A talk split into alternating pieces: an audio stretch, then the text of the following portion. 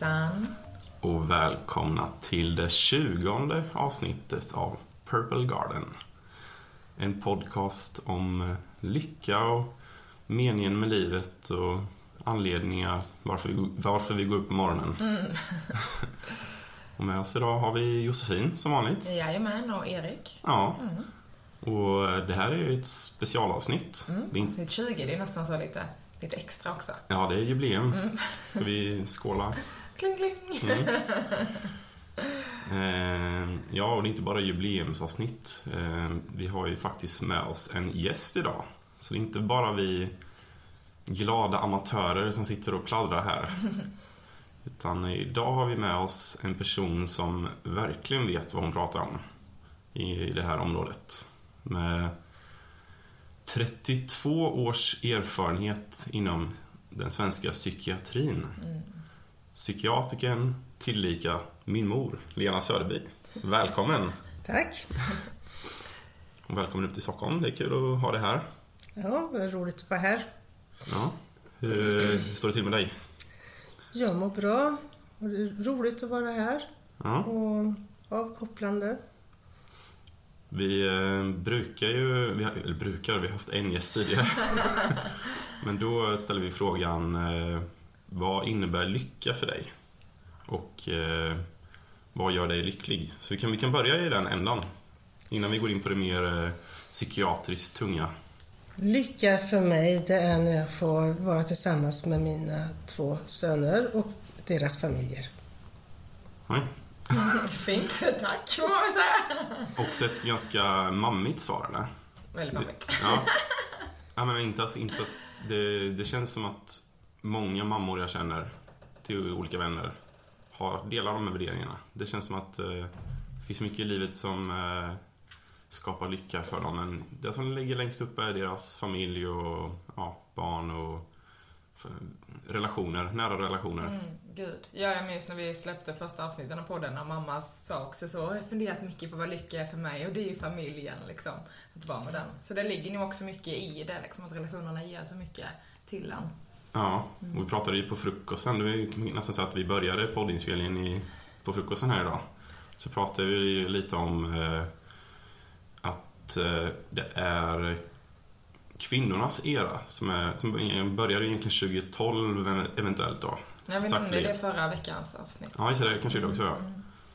Så eh, vi kanske är på väg in i en, i en värld där eh, relationer och kärlek och ja, Omhändertagande. omhändertagande kanske blir det centrala. Men vet, får vi hoppas på det. Ja. All right, men eh, vi är lite nyfikna, eller jag, är- jag har ju ganska bra koll, men lyssnarna kanske är nyfikna på din bakgrund. Kan du berätta lite om, vi behöver inte ta hela livet, men kanske din psykiatriska bakgrund? Ja, min första kontakt med psykiatrin, förutom under studierna, det var f- 1 december 1991 när jag började göra min AT-tjänstgöring på, i psykiatrin i Mjölby Mm. och i Vadstena, Birgittas sjukhus där. Mm. Och hur har resan gått sedan dess? Ja, sen så fortsatte jag med ST-tjänstgöring, alltså specialisttjänstgöring i psykiatri. Och eh, var början i Mjölby och sen fortsatte jag i Motala och var färdig specialist 1998. Och eh, under den resans gång så intresserade jag mig mycket för psykosomatik, det vill säga hur kroppen och själen hänger ihop och tillsammans ibland kan ge sjukdomar. På grund av att man kanske inte mår så psykiskt bra så kan det sätta sig i kroppen. Okej, menar du då att eh, man inte tillgodoser själens behov då? Att det leder till kroppsliga sjukdomar? Ja, till, och med en sån eh, sjukdom som hjärtinfarkt eh, är, kan ju ofta vara stressrelaterat. Och, och därför så kom jag in mycket på det här med att eh, jobba med stresshantering. Ja. Det är något som eh, känns väldigt varmt om hjärtat för, för oss som tror väldigt mycket på kopplingen mellan kropp, sinne och själ. Så det känns väldigt skönt att få höra, höra det från dig också som verkligen har erfarenheten kring det och, och bakgrunden kring allt. Mm. Och min tolkning av det är att just att man inte tillgodoser själens behov är att man kanske väljer en bana i livet som man inte riktigt brinner för. Att man gör saker man inte mår bra av. Eller som man kanske inte nödvändigtvis inte mår bra av, men saker som inte känns inspirerande helt enkelt. Kan det, kan det vara någonting med saken? Så kan det vara. Och, eller, man kan ju ha ett, om man tänker på yrke så kan man ju ha ett icke-inspirerande yrke men man kan ha väldigt rik eh, fritid.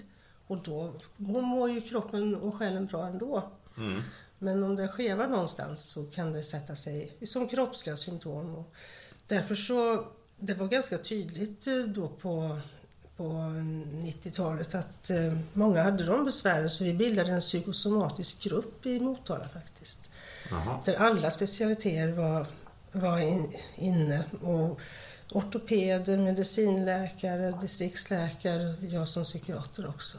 Oj, det är holistisk hälsa skulle man kunna kalla det då. Ja, verkligen. Men det känns som att den här delen av liksom det, men det du pratar om med psykosomatisk, liksom både kanske som terapiform och allmänt, det känns som att det inte alls pratas om inom sjukvården idag. Eller det är väl kanske en väldigt liten del, men att det knappast kanske skrivs ut som medicin och sådär eh, på det sättet.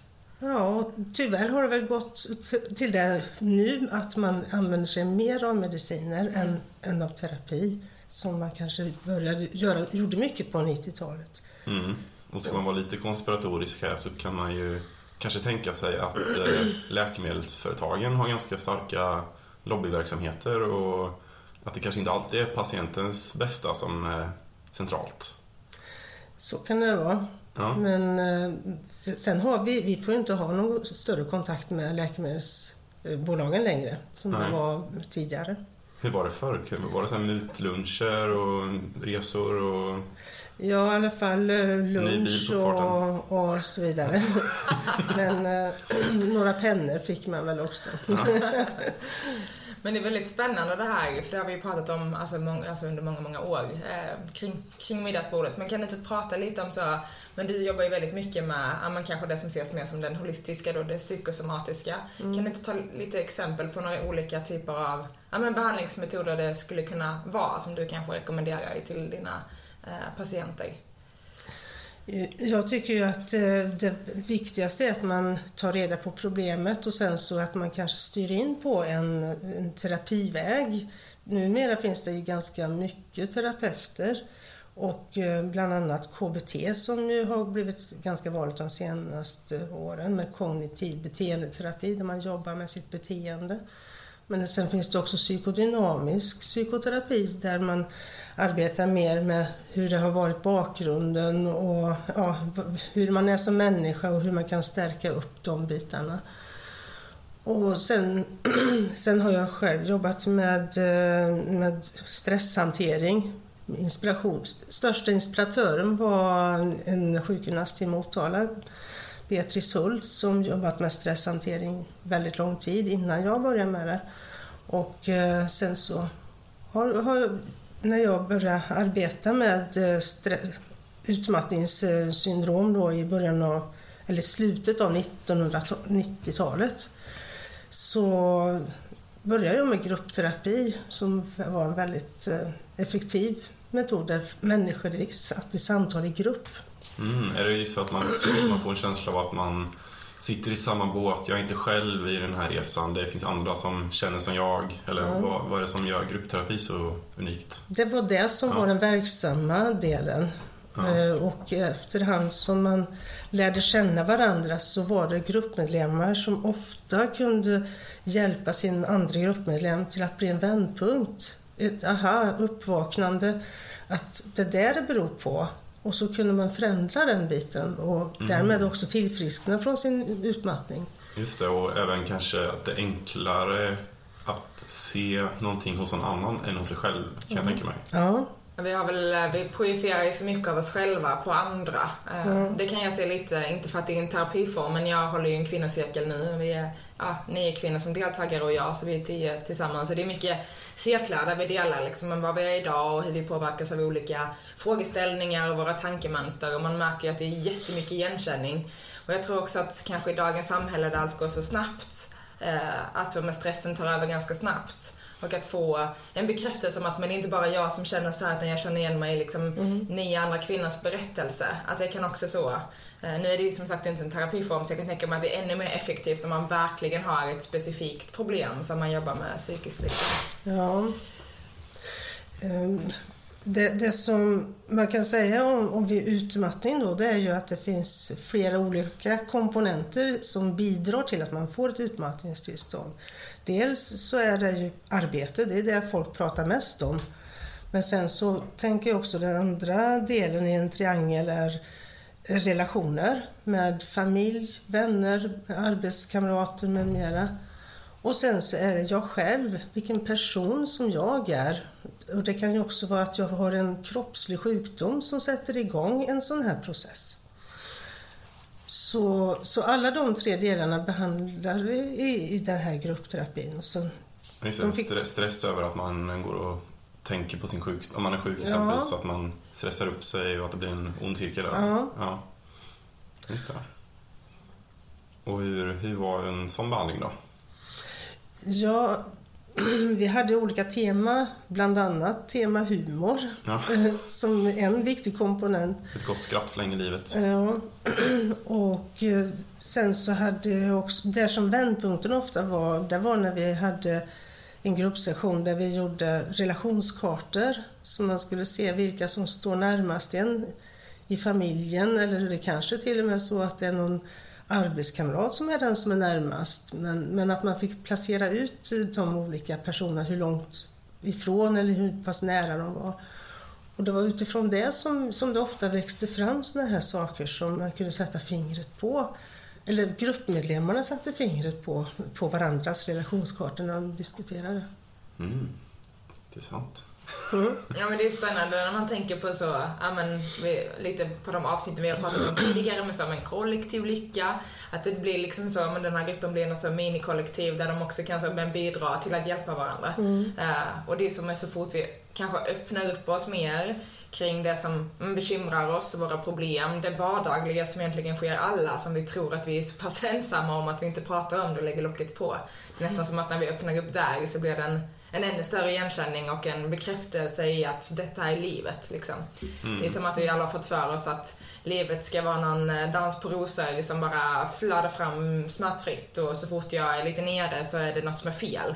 Men Ja. det är ju bara en del av livet, men det är som att vi nästan vi, vi nästan inte accepterar det ju- liksom, för att man vi inte tror ju- pratar om det. Precis, och man tror ju också att alla andra är lyckliga eftersom man ser det på Instagram och för nu de flesta lägger ut de topparna i livet där. Det är ju sällan man ser folk lägger ut en bild på en eh, grå tisdag och ja. Så man tror, man matas ju hela tiden med eh, andras lyckohistorier. Men bak, under huven så är det ju alla människor på jorden går igenom saker. Det, är ju så här, det finns ju ingen, eller ja, ytterst få i alla fall, som inte bär på saker. Men det, det, man, tänker, man tänker inte så ofta på det. Nej, men det är kanske därför depression är så, eller inte bara depression men allmänt så lågmäldhet, utbrändhet, att det är större nu än någonsin. Eh, Eller att det Ja. kanske i alla fall kommer upp till ytan mer. Det vi, när jag började här med gruppterapin så fanns det inte några sociala medier på det sättet som det gör nu. Nej, Det var inte i allmänhetens ägo så att säga då. nej. Men om jag ska dra en eh, jämförelse, för du började 91 inom psykiatrin. Ja. 30 år, 32 år sedan, ett år efter jag föddes. Eh, hur skulle du jämföra, om man generaliserar lite, världen nu jämfört med världen 1991? Rent hälsomässigt eller psykiskt, psykhälsomässigt? Eh, Jag, skulle, jag kan inte några procent men man skulle säga att eh, samma problematik fanns då. Men, men det procentuellt sett så är det många, många fler som lider av det här med stress och utmattning nu än vad det var då. Ja. Men det var ändå en ganska det var begynnande pro- problematik då i slutet av 90-talet. Mm. Och- Vad, vad tror du det beror på? Det, det är samhällsföreteelser. Då var det mycket eh, att det var bankkriser i början av 90 av 91. Mm. Och sen så började, fick man dra ner på personal på alla sjukhus och på många andra ställen i samhället också. Folk blev arbetslösa och, Och det var, det var mycket ohälsa då. Så man kan säga en blandning av ekonomisk oro och att många förlorade sin, sitt syfte och mening kan man säga då. De blev av med sina jobb och ja. vem är jag?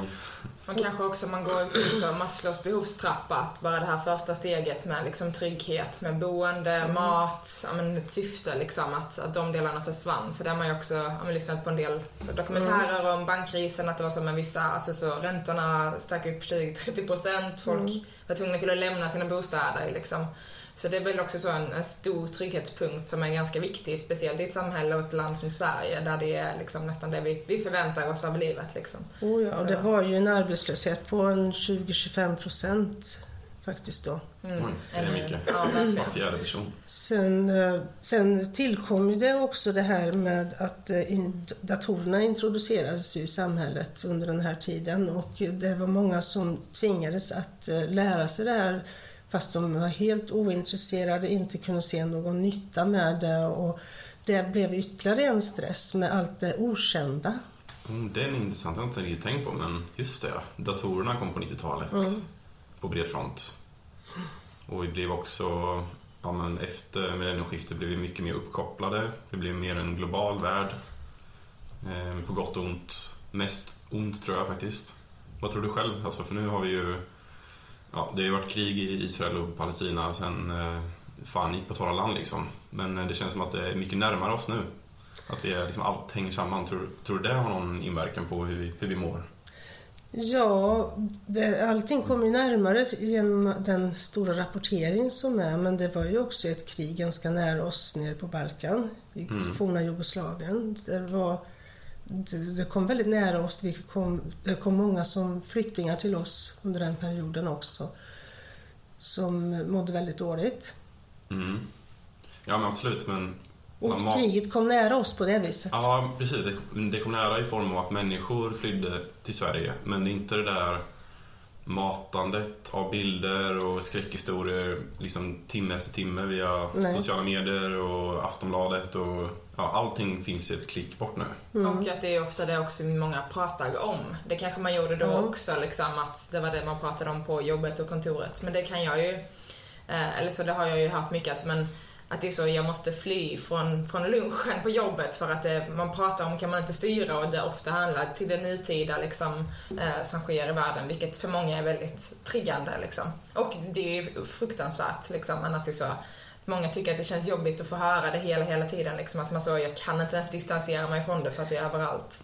Jag vet inte om det var på samma sätt då, på den tiden. Då var det mer att då var det eh, aktuellt på kvällen man såg. Ja. Eh, och då var det fokuserat på det. Nu matas vi hela tiden i telefonen om alla olyckor och alla krig och sånt hela tiden. Flera gånger i timmen. Mm. Jag tror det påverkar oss liksom, psykiskt. Det tror jag påverkar oss väldigt mycket psykiskt. Om vi inte har förmågan att stänga av det. För det är väl det som människan gör. Om man utsätts för mycket press så, så, kan, så stänger man ju av det till mm. slut. Men vissa klarar inte att stänga av det utan de tar in allting och där påverkar ju det psykiska väldigt mycket. Mm. Det märkte vi ju igår, nej förrgår när vi var ute och åt på restaurang. Och eh, kyparen, eh, det var en person jag känner lite grann. Så jag, ja hur är läget, hur mår du?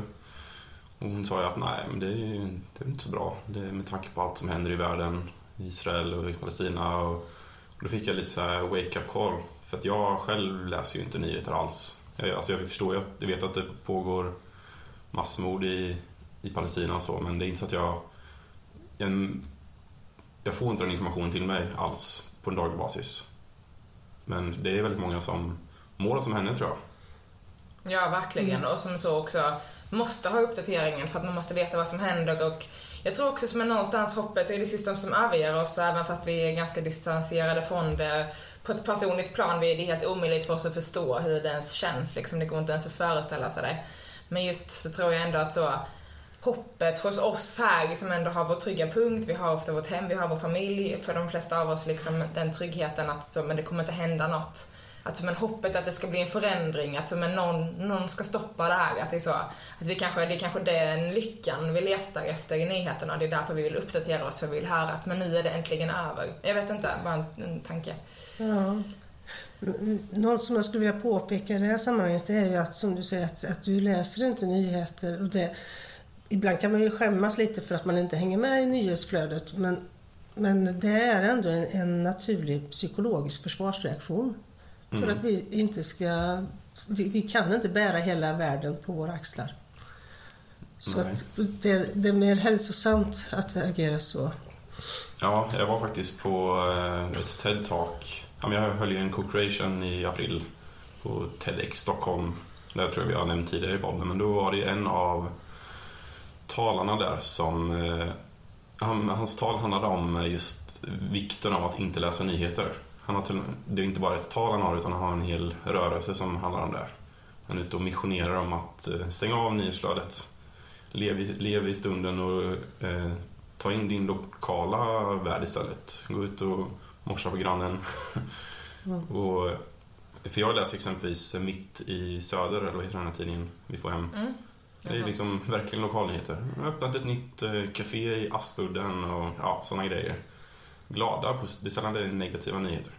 Och är det något som är negativt så är det ofta så en samhällelig, att det är som en, då meddelar, vi- det meddelar vi samhället för att det faktiskt är så pass nära påverkat till de som bor i det här området. Liksom. Mm. Men jag, jag håller med dig du sa förut att man får nästan dåligt samvete att man inte hänger med. Och jag kan känna det ibland att dåligt samvete att jag inte bryr mig mer om ja, men kriget i Ukraina och i Palestina. Och, men jag, jag, jag har inte förmågan att bry mig om saker som är så långt bort. Jag, jag, ibland försöker jag verkligen elda upp mig och börja bry mig men det är som att jag, jag kan inte.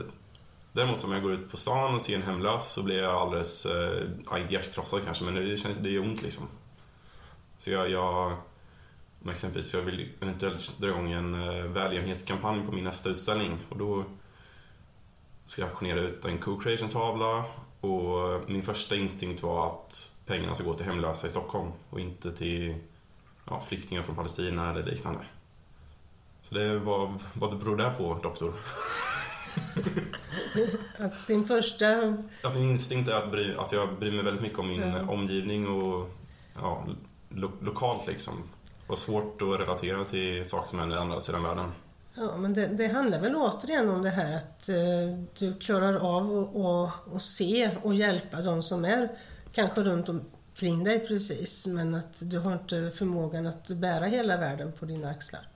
Så det är en försvarsreaktion som är nyttig för dig. Ja, Kanske nyttig för alla människor. Ja. Mm. Mm. Nej, det är väldigt spännande hur... eh, ja, men för det är också så, det kan också vara mycket shaming i det liksom. i, kring världen och att, men gud, bryr du dig inte eller läser du inte eller men du måste ju känna empati för det här och men det är så går man in i den spiralen då kanske man går ner sig helt liksom och, och blir väldigt, väldigt nere. Men jag tänkte, vi har ju varit inne, eller så pratat om det innan i alla fall, men det är väldigt spännande liksom, ja men om man så för att koppla an till lyckan också, med men de bitarna som verkligen kan hjälpa oss som vi har då omkring oss i vardagen. Och där har vi pratat tidigare liksom, men vad kring grönska och musik och liksom, ja, hitta tystnaden och lugnet och stanna upp. Eh, jag tänker att jag gör en liten, en liten 180-gradig jag tänkte, vändning. det sjuka är att jag tänkte precis att vi vänder åt det hållet. Ja. Men att vi kanske först tar en liten eh, trudelutt Ja. och så återkommer vi till eh, Dr. Lenas eh, lite mer östländska metoder för att, för att läka människors eh, mentala hälsa. Ja, för det får man ju också säga även om vi försöker stänga av och vi kanske har den här psykologiska spärren att jag kan inte ta in mer så kommer vi fortfarande matas av det, vi kommer fortfarande se det. Så då måste vi hitta lite andra verktyg eh, i vardagen för att faktiskt liksom, ja, komma tillbaka till oss själva. Mm. Men en liten, en liten paus. Ja, vi återkommer om eh, 45 sekunder.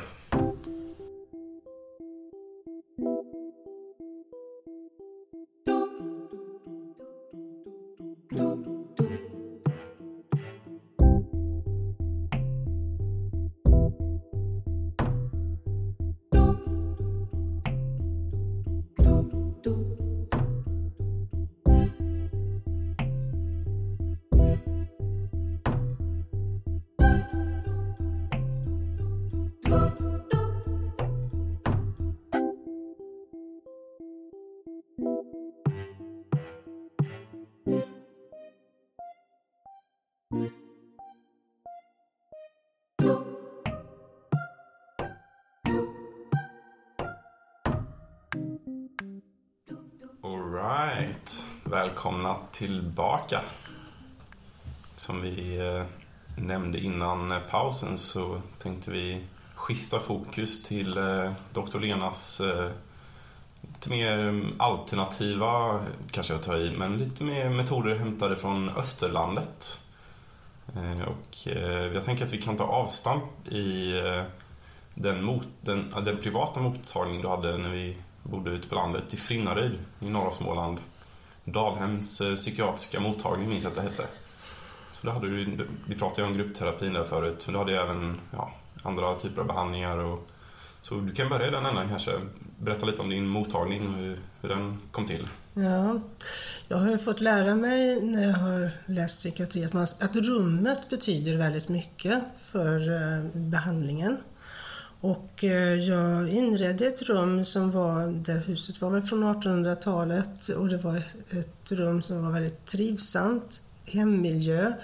Köpte lite grejer, sån här soffa på loppis och, och så. Och använde också mycket konst som jag satte upp på väggarna eller som kanske någon stod någon liten sak på, på bordet ehm, hade alltid musik eh, på i bakgrunden och det var barockmusik, eh, alltså Mozart, Bach, Beethoven och, mm. och sådana som rullade på för att vara en spänningssänkande miljö. Mm, det kan jag själv relatera till när man är lite uppe i varv. Sätta på lite mm. Mozart. Ja. Man mm.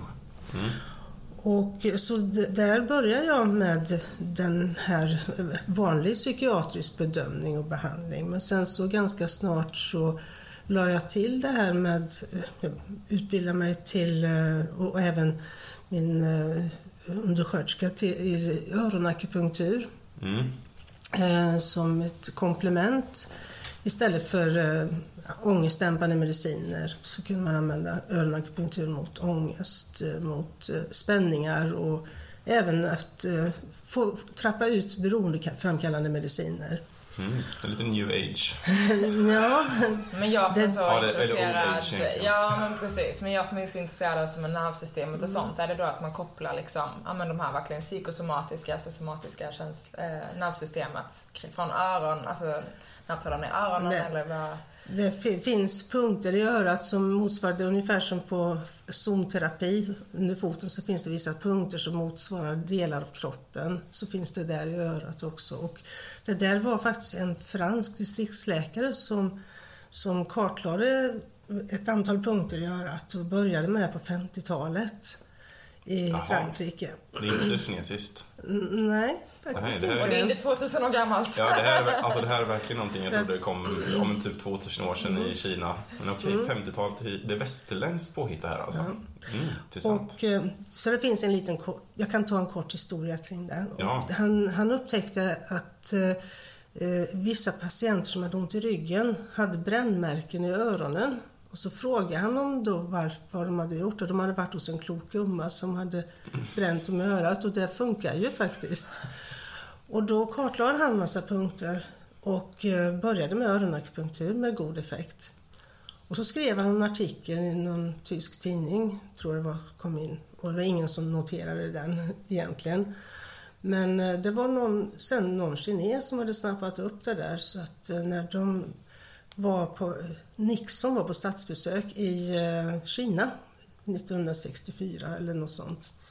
Och då var det en journalist som insjuknade i blindtarmsinflammation och så opererade de honom eh, med bara öronakupunktur som bedövning, alltså anestesi. Oj. Och eh, det var tv-sänt över hela, wow. hela världen. Och sen kom det här öronakupunkturen till USA och där började man använda det på gatunarkomaner för att avgifta dem. Oj, hur funkar det? Eller var det lyckat? Ja, de, de lyckades ganska bra med det. Och sen har det kommit över tillbaka till, till västvärlden igen då på, alltså Europa.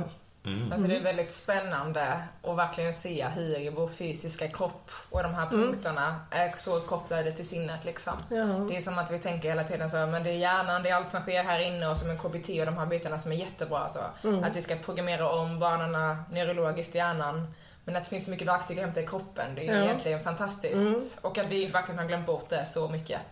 Och det här tunna små nålar eller man kan sätta små litet frö på som man, eh, jag har själv känt av bra effekt av, mot nackbesvär. Mm. Så vi gick två kurser, hon och jag. Ja. Alltså sitter Så. typ inte barn mycket så gnuggar i sina öron? Eller är Mm. det bara något som jag har sett och kanske observerat men det kanske inte är något som... Jag vet inte ifall det är något de gör som så, alltså för att typ hela sig själva eller Ja. att det är natur... Jag vet inte. Ja. Det kanske är något naturligt att... Eller jag tycker jag ser det ganska ofta. Nu är Mm. inte jag omgiven av Precis, det jättemycket kanske är barn. något men- nedärvt liksom, i det kollektiva undermedvetna. Att man läker sig själv på det sättet. Och sen eh, växer man upp och lär sig hur man ska bete sig i livet. Och Då ska man inte hålla på och ta sig i ansiktet Nej, inte ta i öronen. Nej, jag vet inte. Det skulle, det skulle säkert kunna vara. Ja. Någon som vill göra en beteendestudie på det här kanske? Och allt började med en eh, klok gumma som brände i öronen. Mm. Det var för övrigt ett eh, riktigt bra uttryck. Det ska jag fortsätta använda tror jag. Klok gumma. Ja, Jag tror du kommer bli en eh, klok gumma som tack. behandlar folk med östländska metoder. Ja, vi får se kanske. Jag är väldigt Ja. inne på, på, åt de spåren med ja, somatisk eh, emotionell terapi, förlossning genom olika, olika behandlingar. Som Mm. jag tittar mycket på och utbildar mig inom. Det är väldigt spännande. Mm. Så mycket, eller min tro är att känslorna sitter fast i kroppen och att vi kan få ut dem på olika sätt och annars så Ja. leder det till sjukdomar. Och, och det leder ju in lite på, på en senare, som vi ska återkomma till, mindfulness. Att använda det i samband med förlossning och eh, förlossningsrädsla och så. Som kvinnokliniken i Varberg eh, utbildat alla sina läkare och eh, barnmorskor i mindfulness. Mm. Men kan, vi kan ta det nu när vi ändå är där. Ja, ja, ja. The floor is yours. Ja, ehm, jag hade ju som sagt var gruppterapi och jag ville lägga till någonting mer än gruppterapi så började jag läsa om mindfulness och eh, deltog i en instruktörskurs eh, år 2006. Och eh, så la jag till det i, gruppterapin då och det som jag tyckte var väldigt verksamt att få personer som är utmattade att sitta och meditera, det, det lönar sig inte riktigt för de har inte den uthålligheten. Man behöver sitta liksom och träna. Eh, Det, det är ingenting man lär sig utan man, man bara är. Men man måste kunna sitta ner och, och ha det, ta det lite lugnt. Eh, Men eh, jag använde gående meditation som, som var en sak som jag lärde mig på den här utbildningen. Att man då man är ute och promenerar och försöker verkligen vara i stunden och ta in ljud och, eller hur Mm. funkar Ja. Ja. Jag, jag tog med den här gruppen ner på en eh, grusväg som var i närheten och eh, så började vi med att eh, bara gå omkring och känna under fotsulorna vad, vad man känner. Och, och sen så efter en tag så kände, när folk kände sig bekväma, vi gick lite fram och tillbaka, ingen särskild riktning eller så. Och sen så la vi till att nu ska vi blunda och eh, gå, fortsätta att gå så här. Och eh, då börjar man lyssna, använder man sinnet hö, hörsel. Och eh, då lyssnar man, man hörde kor som råma, fåglar som kvittrade, ett flygplan flög över. Så fokuserar man bara på det sinnet. Mm. Och sen så tog vi väl någon paus med lite fruktfika. Men sen så fortsatte vi med nästa sinne då, att vi skulle se alla, alla gröna nyanser. För det här var på våren där det finns många gröna nyanser i skogen. Och då, då fick de fokusera på det. Och det gör att man, man blir mer och mer avspänd. Och sen så använder vi oss av det i senare skede med gående meditation. Att många som har utmattning de får dåligt minne. Och om man går in i ett rum och ska hämta en sak så har man glömt vad man ska hämta. Mm, kan jag relatera till. Och, och då, då fick de i uppgift att träna hemma att eh, gå och känna fotsulorna medan du ska hämta den här grejen. Och sen då kom, då kom de ihåg vad de skulle hämta. Och så fick de träna Det på är det. intressant ju. Ja, men det är verkligen stanna i närvaron Ja, det något är sätt. att man är i stunden, man är i nuet. Man tänker inte på vad man ska göra om en timme eller imorgon. Och man ältar inte det förgångna. Utan man är bara här och nu. Jag tror också vi har alla de här to-do-listorna och att göra-listorna som bara snurrar i huvudet på tusentals saker. Som vissa saker kanske vi borde göra om, liksom, ja, det här borde jag göra men det kanske sker om fem år. Men jag har fortfarande tanken på att göra det nu. Och att det är så vi har liksom tusentals sådana objekt eh, och så börjar man snurra på så, ja ah, men visst jag ska hämta den här men sen så blir det de här grejerna också. Så kanske man fastnar in i det snurret och sen har man helt tappat bort sig liksom. Uh, uh. Intressant är det mm. verkligen, för vi pratar ju om, vi pratar om hur många gånger som helst vikten av att vara i stunden. Men nu har vi alltså en, eh, en klinisk anledning att vi förbättrar vårt minne. Mm. Mm. mm. Eh, ja, och sen om man... Så, så det hade jag inne som en, en eh, del i gruppterapin också då. Eh, under flera år. Mm. Fram till jag upphörde med den.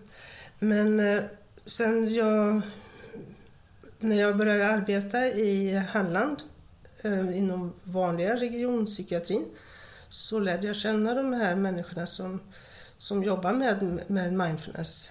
Eh, den gynekologen och en psykolog som, som höll i det. Och så deltog jag i, i både ja, någon mindfulnesskurs som de hade för eh, läkare och framförallt barnmorskor, men det var lite andra också. Och sen så, då, bland annat så fick vi pröva på att meditera med is för att dämpa smärta som man gör vid förlossning. Och det var ganska intressant att, känna det att man höll ett pack is i, i, i händerna. Så till slut så, så ja, då, då man dämpar smärta av den. Ah. Men det är väl också att man lägger, vi kan ju bara känna en sak i taget. Mm. Eller så rent... Men då eh, fokuserar man på det precis, sinnet. och så känner man inte det andra liksom. Mm. Och då försvinner det här med förlossningssmärta. Och de använder det kliniskt mm. eh, på förlossningen i Varberg. Och det är väl därför också, eller så en koppling just kring, ja så, men is och, och att plocka bort smärta. Men mm. Wim Hof-metoden eh, och isbad eller kallbad har ju funnits många, många år. Men just Wim Hof som en, en, en man då som mådde väldigt dåligt för att hans eh, fru gick bort och han kunde inte riktigt, ja men egentligen bete sig längre, han kunde inte ta hand om sin familj, sina barn. Eh, men sen började han göra en typ av andningsövningar som satte igång blodcirkulationen otroligt mycket och, och andra såklart ja, kemikalier som släpptes loss när man gör vissa andningsövningar så blir det väldigt stor påkoppling fysiskt. Och sen ner i isvak flera minuter och han blev ju psykiskt bättre av det. Så det kanske också är kopplat till att så han han kunde dämpa smärtan av depressionen i den här kylan för att han var tvungen till att känna bara hur kallt det var i vattnet. Mm. Jag vet mm. inte, det kan ju vara, alltså det finns ju många olika såklart eh, former. Då, då kanske mina gamla kollegor inom psykiatrin från 1800-talet eller början av 1900-talet inte var så tokigt ute för de hade särskilda bårar som de som folk fick sitta på så släppte de ner dem i iskallt vatten. Ja. Det finns på Medicinhistoriska museet ja, i Vadstena. Men det kan nog ligga mycket, mycket ja. i det liksom. Ja. Alltså att jobba händer, med sensationer i kroppen. Liksom. händer en del fysiologiska reaktioner när Precis. man utsätter Och mycket endorfinutsläpp också. Och långbad hade de också. De fick mm. ligga timmarvis eller kanske till och med dagar i ett badkar. Spännande. Ja men det är väl verkligen det, man kan inte Det är värt ett besök där. Ja, ja, spännande. Mm. När började människan använda psykiatri egentligen? Det, det är väldigt lång tid tillbaka fast det, Vi kan ta jag väst. kan inte det här riktigt. De började säkert 10 000 Hospitalen. år sedan, 10 000 år sedan i öst men 1800-talet i väst kanske. Ja, precis. Ja, du går nog tillbaka längre än så. Ja. Om det nu var riktiga behandlingar vet jag inte men... Mm. Ja, nej precis. Det var väl det. Mm. Mycket, kan tänka mig mycket alternativa idéer kanske som, som ibland kanske funkar det, gick vidare till något annat. Ibland och ibland återkommer helt... i nutid. Mm. Precis, mm. exakt. Och vissa saker kanske var helt uh, feltänkt liksom. Men så är det idag också. Det är alltid trial and error. Ja. Och man måste ju också bjuda in det uh, ja. allmänt liksom. Sen ja. såklart idag Eh, behövs det kanske vara mer säkrare för att man har så mycket ögon på sig. Det, eh, jag tror också så, vi, inte för att man kanske inte gjorde det på den tiden liksom, men en människas liv och sinne och psyke är ju otroligt mycket högre värderat idag än vad det var för kanske 200 år sedan. Eh, då, då brydde man sig nog inte lika mycket kring olika metoder. Idag är det jätteviktigt att man verkligen har liksom så, koll på vad man gör. Mm. Liksom. Eh, men det är kanske också mer det som är kopplat till. Men det är också såklart jätteviktigt och bra att det är så. Men det kanske inte var samma på för, förr i tiden. Då, då hade man också en annan auktoritet och tro på den läkaren som kanske var intagen. Jag vet inte. Mm. Eh, sen, sen, får man ju betona också att jag, det här är ju en de här sakerna som vi pratar om nu, det är ju en del i min eh, en del i min verksamhet. Att jag har ju bedrivit vanlig psykiatrisk bedömning och behandling och har detta som ett komplement. Mm. Så du, är inte bara häxdoktor? Nej, jag är inte bara häxdoktor. men, men jag tycker det är bra komplement och i vissa, vissa fall så behövs det eh, att man har effektiva mediciner och andra behandlingsmetoder. Men, men det, det är ett bra komplement med de här, eh, tycker jag.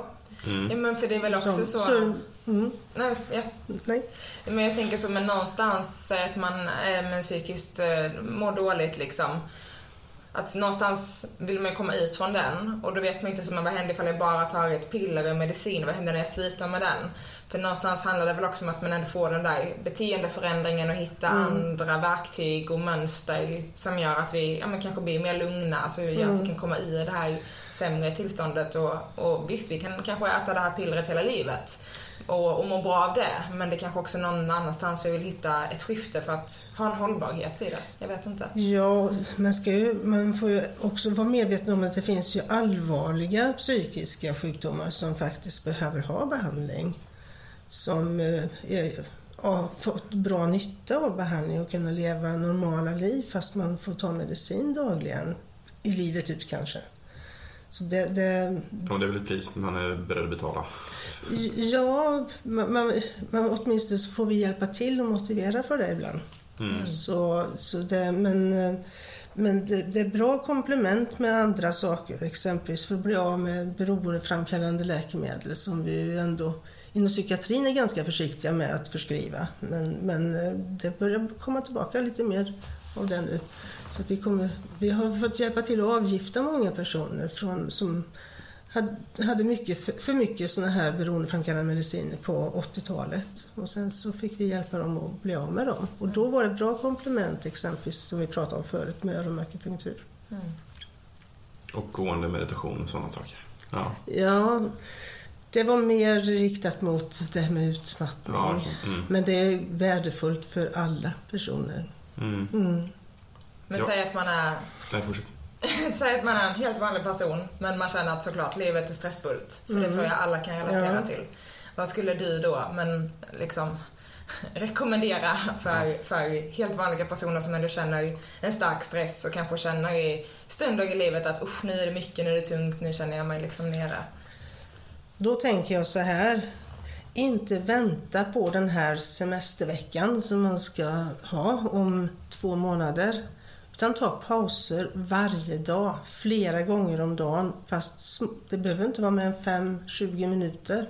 Men man ska ta pauser. Um, annars blir det en stress att man ska vänta så länge och då är man utmattad så man kan inte koppla av den där veckan som man är ledig.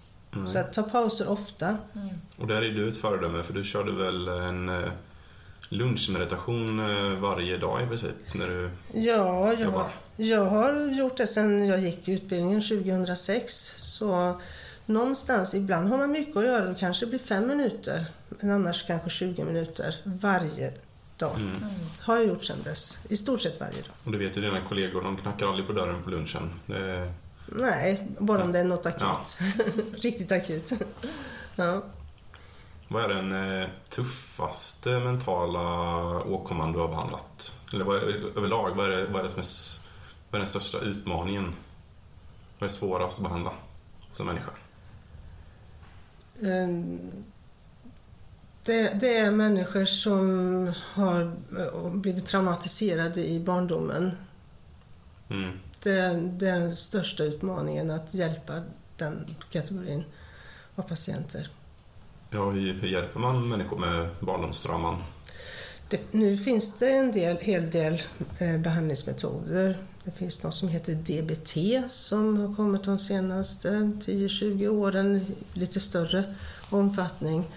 Och där man går i grupp, grupp eh, en dag i veckan eh, och träffar sådana som är i samma situation.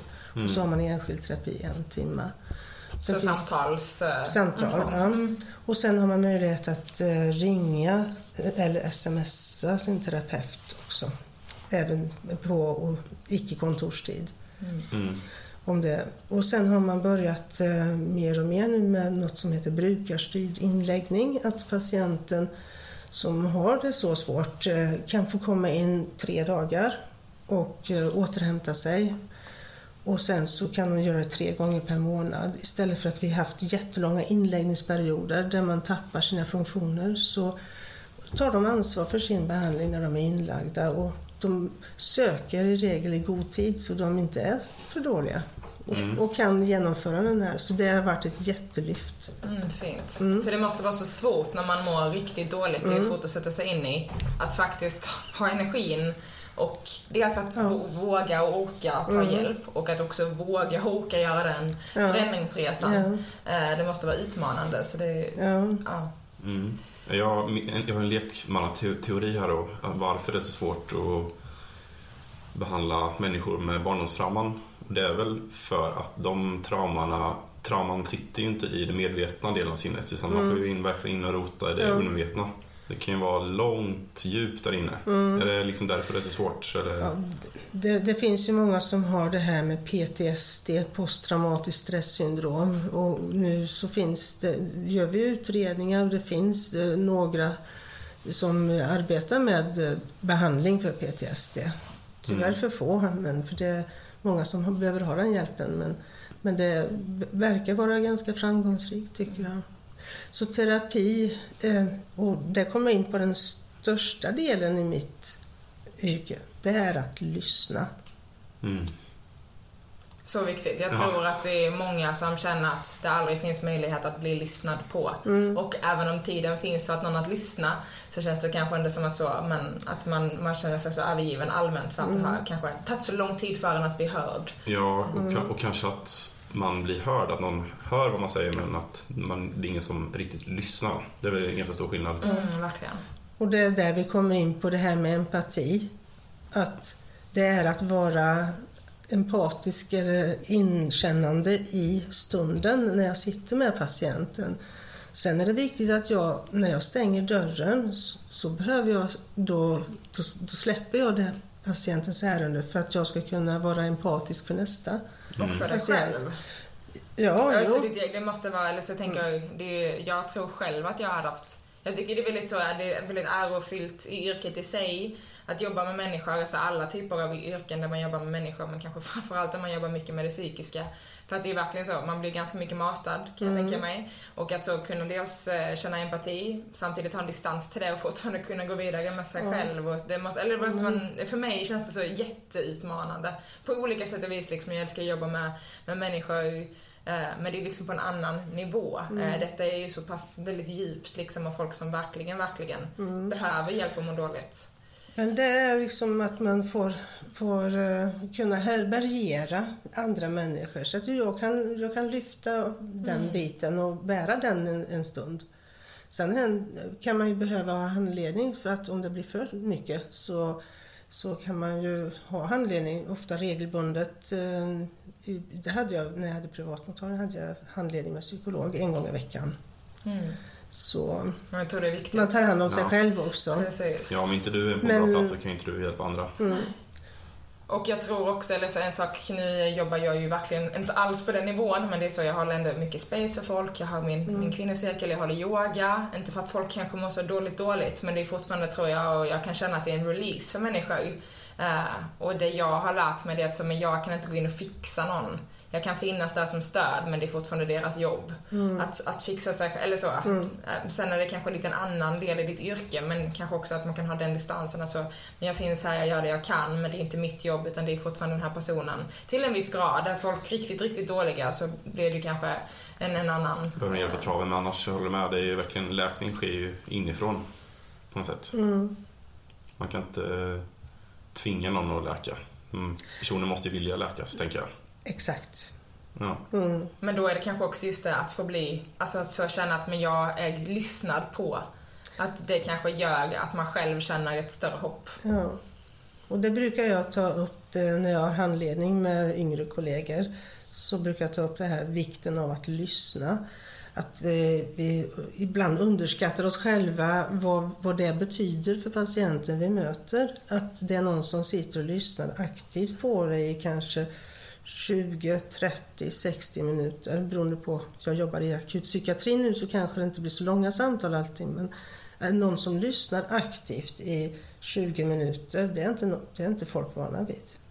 Nej, gud. Alltså, det Men det är jag... läkande och det kan vara tillräckligt ibland. Ja, verkligen. Mm. Ja, men det där lilla, lilla liksom. Man känner att så, man, det jag säger nu har jag möjlighet att säga utan att bli avbruten eller utan att bli Mm. ifrågasatt. Eller, ja, alltså det, det är väldigt fint så aktivt lyssnande. Och också att så... Och att sen också bolla tillbaka vad man sammanfattar det man hör Ja, och ge tillbaka det. Och då behöver vi kanske inte ge en, en, en, en gåva till patienten i form av ett recept eller en remiss eller något sånt. Utan det räcker väldigt långt med att bara lyssna. ja.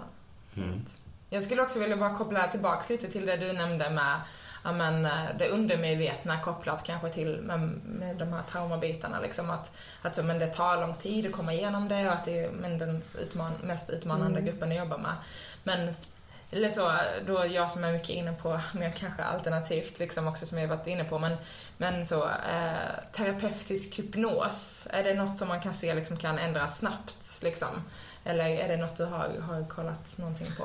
Eller finns det andra sådana här metoder som, som kanske då anses som mer alternativa som man kanske inte använder i västerländsk Jag, sjukvård? jag, vill, jag vill rätta det där ordvalet Ja, ja, lite ja. och jag vill säga att det är komplementär. Mm. Eh, komplementära metoder eller in, inte alternativa metoder för det låter Nej. som att det blir sådana motsatser. Ja men det är fint att du tar upp det, för det känns Mm. som att vi ofta har det problemet när vi pratar, att det blir liksom det eller det här, att det blir så nästan Mm. Men motsatser. Så komplementär är väldigt fint. Tack. Jag, jag har använt det. Och att det, det är ju en del i, i det hela.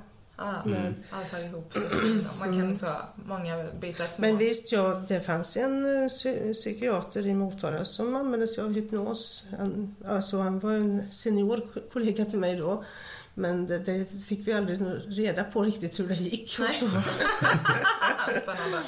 Det är hysch-hysch. Ja, för det kan man ju se mycket men idag, att så, jag har, eh, dämpa träffat beroenden och sånt, att det går snabbt. Tandläkare som både var KBT-utbildad och också använde hypnos. Han var föreläst en gång. Och det, var, det var spännande hur, han- hur han kunde påverka oss som satt där. Oj, Vi wow. fick testa. Ja. Mm, mm. Så, och där är vi olika tillgängliga för, för det här med hypnos. Min, min arbetskamrat hon var, hon var väldigt lättpåverkad och sjönk ner liksom i, ja, vad man nu kallar det för, Men det är väl sam, samma där vi pratade om tidigare, att våga släppa kontrollen. Mm. Som, man måste väl släppa kontrollen för att kunna bli hypnotiserad. Kämpar man emot så antar jag att det inte funkar. Eller? Jag vet inte, jag, jag kan inte hypnos. Nej. Så det, men vad finns det för andra liksom som en dels det här med, som en lyssna och med mindfulness? Vad har du liksom fler för? Eh, det som jag, jag, skick, jag skickade faktiskt ofta remiss till sjukgymnast för eh, basal kroppskännedomsträning. För att eh, folk var liksom så spända i kroppen och de ja, var inte i kontakt med sin, sitt inre så att säga. Och det är en jättebra behandlingsmetod för att komma i, i balans. För det första att bara vara i balans kropp, alltså i musklerna. Och så får man träna på att liksom grunda sig och då följer det här psykiska med också. Men, men det är väldigt bra med sjukgymnast. Mm. Och det tycker jag allmänt, alltså det saknar vi i hela, alltså dels i hela skolsystemet också. Känna vår kropp. Alltså det vet jag som har gjort en ganska eh, stor förändring där, att jag inte, alltså första 25-23 åren av mitt liv visste jag knappt att jag hade en fysisk kropp. Det var ju bara ett verktyg för att ta sig fram liksom. Och sen så hittade jag yogan och insåg ju hur mycket stress som satt fysiskt fast i kroppen och sen har jag jobbat med det sen dess. Men det tror jag är väldigt mycket sådär att så kroppen är liksom mer som ett verktyg som ska fysiskt flytta oss Hårdvara. framåt. Ja, Hårdvara. Jag tror att vi har tappat den kontakten mer än vad vi tror. Just det här att så, men, vi kan knappt stå på båda fötterna och sluta våra ögon Mm. för då tappar vi vår balans. Det är som att vi inte känner ens vad vi har vår, vår fysiska kropp. Mm. Och mycket också det här med, med stressen och att vi lätt sjunker in för att det är naturligt för oss att skydda oss själva. Liksom försvarsställning. Och sen så småningom fastnar vi där för att också spänningarna byggs på. När så stressen går på som en rädsla i kroppen Mm. Av att vi måste fly och sen blir vi liksom mer och mer spända ihopsjunkna och sen fastnar vi där någonstans. Och där har vi en viktig uppgift att förklara den. Men jag kommer att tänka på när du säger det här eh, att jag är ryttare i bakgrunden, har ridit i många, många år av mitt liv. Men där behöver man faktiskt kunna ha både kontroll över sin kropp och, eh, och, hästen också. För att om jag inte har kontroll över kroppen då, då händer det saker med hästen. Då har jag ingen kontroll över den här 500 kilos eh, eh, hästen då. Och det här använder man faktiskt i terapi. Jag var på ett eh, studiebesök i Norge eh, tillsammans med kollegor som var psykoterapeuter. Eh, och där hade de sådana här center för psykiatri som upptagningsområde för hela Norge. Där de bland annat hade eh, eh, ja, ungdomar som var traumatiserade och då använde de där hästterapi, alltså rid, hästar, umgås med hästar, rida på dem och det som en terapiform. Ja, men så mycket mot, eller mot, inte mot, men för personer som har autism också. Mm, ja, det kanske jag inte till. Men, så, men, hästläger och sånt, att man får komma dit och, och känna kontakt. Mm. Liksom, att det är ing, också så djur dömer aldrig, ja. hundar dömer aldrig. Alltså. Men, men just också kroppsligt, att mm. en avslappning som man kan få som person med cerebral pares, alltså CP-skada, som, är, som musklerna är, ja, inte fungerar inte riktigt. Och då har man använt sig också av att rida. Mm som bra effekt för att de ska få mer kontroll över sin kropp. Då. Mm, fint. Så, så det finns många komplementära metoder som vi har, som vi har runt omkring oss i, uh, i samhället mm. som en naturlig del. Och från en komplementär metod till en annan. Och jag ser här att tiden har sprungit iväg. Men jag tänker jag skulle vilja ställa en uh, sista fråga. Vi ska också ut och ta en promenad på tal om eh, gående meditation. Så vi, innan ditt tåg går så ska vi ta en eh, promenad längs vattnet här i Gröndal. Men en, eh, ja, som en del vet så gillar jag ju att måla, en stor passion. Och jag har ju utbildat mig lite inom terapeutisk målning och ser ju verkligen stora läkande effekter i att måla. Så det skulle, jag vilja bolla lite med dig. Eh, du har inte kanske jobbat med det i din, i din praktik men som privatperson så har du ju ja, mer eller mindre läkt dig själv lite. Så ja. vad, vad har du för syn på målning som terapiverktyg? Det, det finns uh, konstpsykoterapi uh, och jag har arbetat tillsammans med en arbetsterapeut som var utbildad där. Hon nådde jättefina framgångar med patienter. Ja. Nu kommer jag inte ihåg några detaljer kring vad det var för sjukdomstillstånd och så, men hon... Och det var i Falkenberg mm. som hon verkade då. Men vi kan ju ta ett exempel från ditt egna liv. Om vi bortser från att psykiatriken Lena, så under pandemin exempelvis så målade ju du så det sjöng om det. Mm.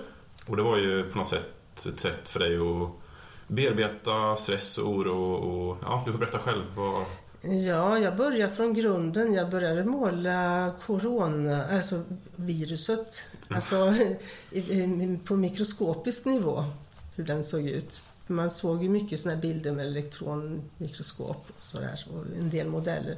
Så målade jag det. Mm. Och sen målade jag annat som var relaterat till corona. Men jag, jag tycker det var väldigt bra.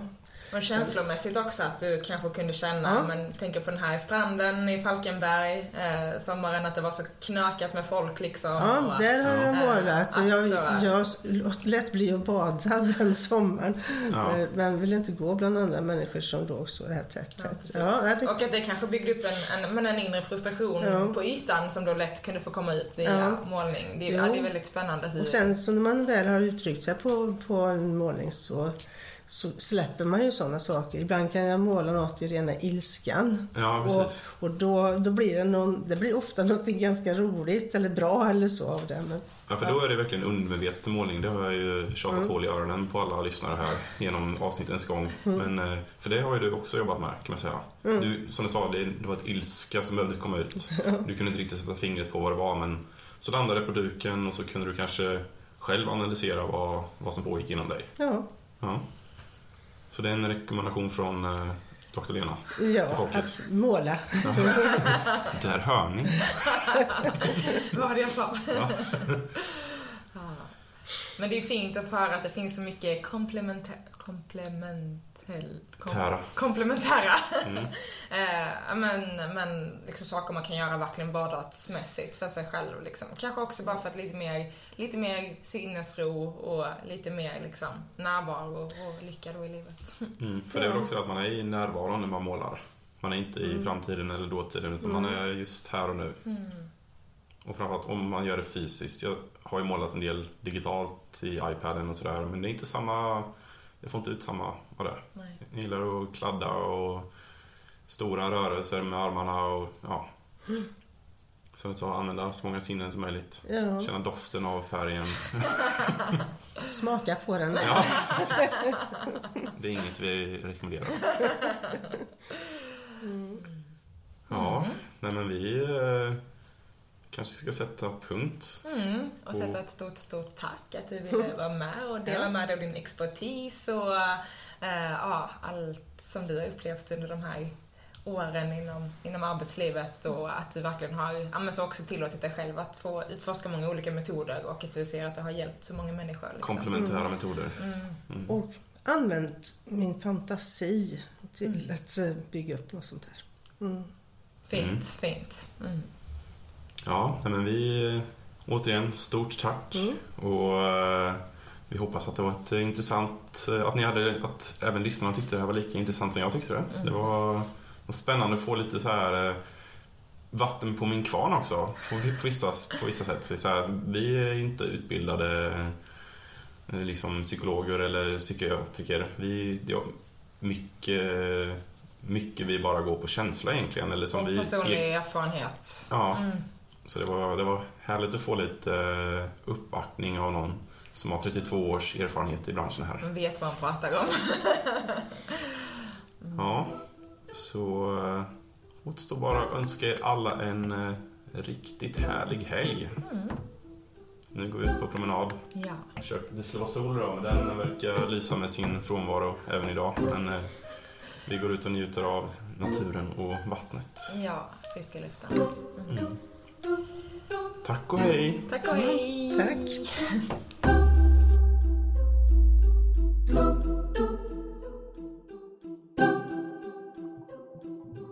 do